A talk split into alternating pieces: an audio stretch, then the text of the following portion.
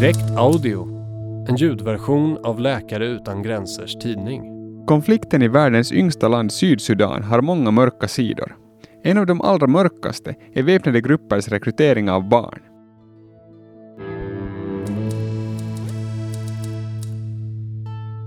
Sedan februari 2018 har närmare tusen barnsoldater släppts i den lilla staden Jambio i sydvästra Sydsudan, precis vid gränsen till Kongo-Kinshasa. Barn och tonåringar som har varit tillfångatagna i månader, till och med år, efter att ha tvingats bort från sina familjer. Barnen var på väg till skolan med sina syskon när väpnade män stoppade dem och förde ut dem i djungeln, berättar psykologen Tove Ringmar, som har arbetat i Jambio sedan oktober förra året.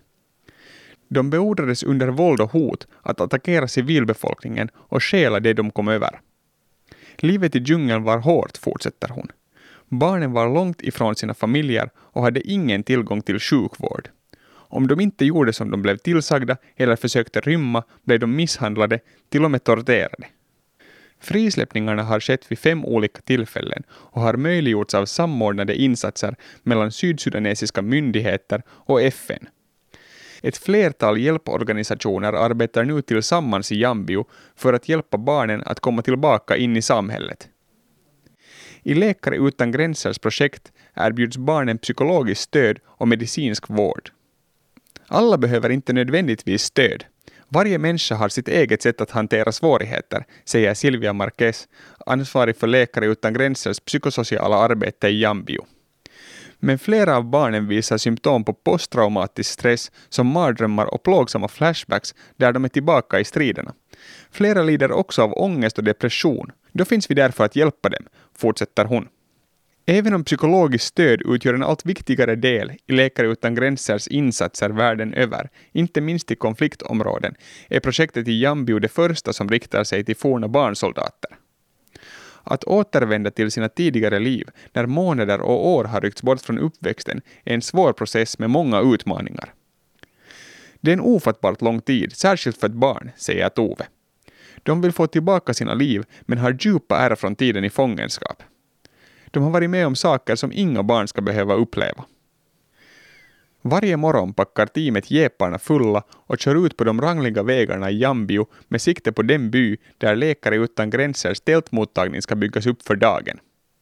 Inne i tältet får invånarna vård och behandling mot diverse åkommor som malaria, hudinfektioner, luftvägsinfektioner och diarrésjukdomar.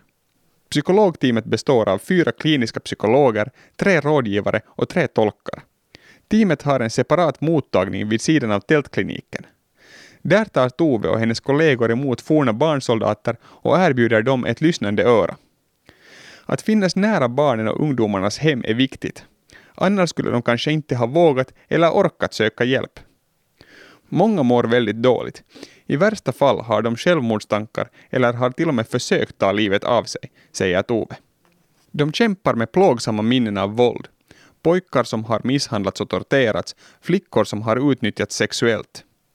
Det handlar också om skuldkänslor kring saker som de har tvingats göra eller bevittna när de bar uniform, och att de från första början togs till fånga och tvingades bort från sina familjer. Vi hjälper barnen att reflektera över vilka faktiska val de hade när någon hotade döda eller skada dem om de inte följde order, säger Tove. Det är en omöjlig situation. På så sätt kan vi hjälpa dem att omvärdera känslor av skuld. Hemma i Sverige arbetar Tove som psykolog på Hallanstalten i Södertälje. Hon är van vid att möta människor i svåra livssituationer, men att arbeta med forna barnsoldater har ändå inneburit nya utmaningar. Patienternas historier har berört henne djupt. Det handlar inte bara om vad de har varit med om, utan vad de kommer tillbaka till, säger Tove. För en del av barnen finns den trygghet de en gång lämnade inte kvar, vilket kan vara en chock. Hus som har bränts ner, familjer som har tvingats på flykt eller dödats. För många är det en utmaning att ens få tag på mat för dagen.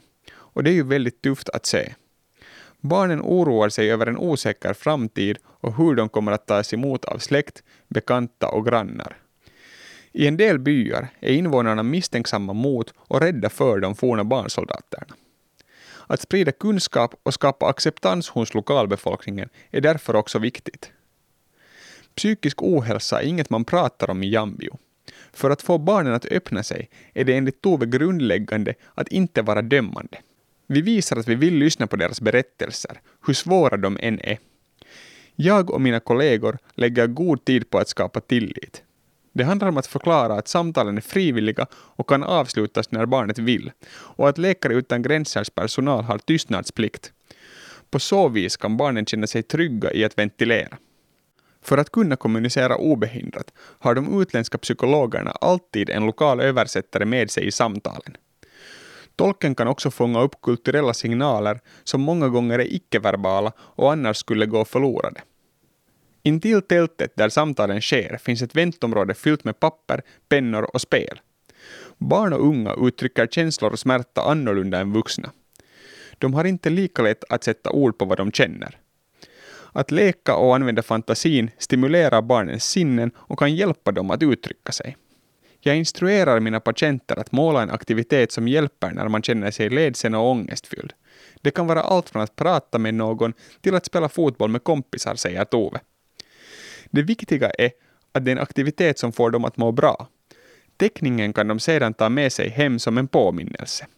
En av medarbetarna i psykologteamet finns alltid på plats i väntrummet för att hålla i gruppaktiviteter och lekar och samtidigt lära barnen hur de kan hantera sina känslor och tankar.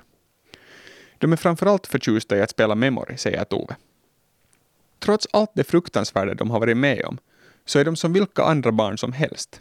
De behöver tid för lek och spel för att må bra. Det är viktigt att behandla dem som vanliga barn, betonar Tove. Att bara finnas där och vara medmänniska betyder mer än vad man kan tro. Barnen berättar för mig att det betyder mycket att vi finns där och lyssnar på dem.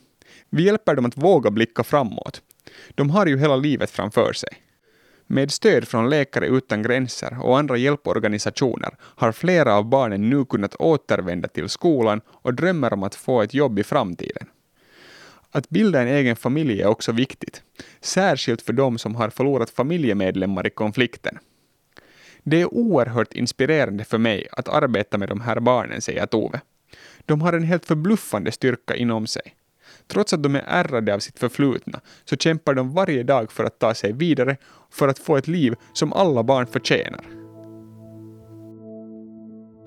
Den här artikeln ingick i Läkare utan gränsers tidning Direkt, nummer 1, 2019. Sanna Gustafsson skrev artikeln och jag som läste in heter Björn Udd.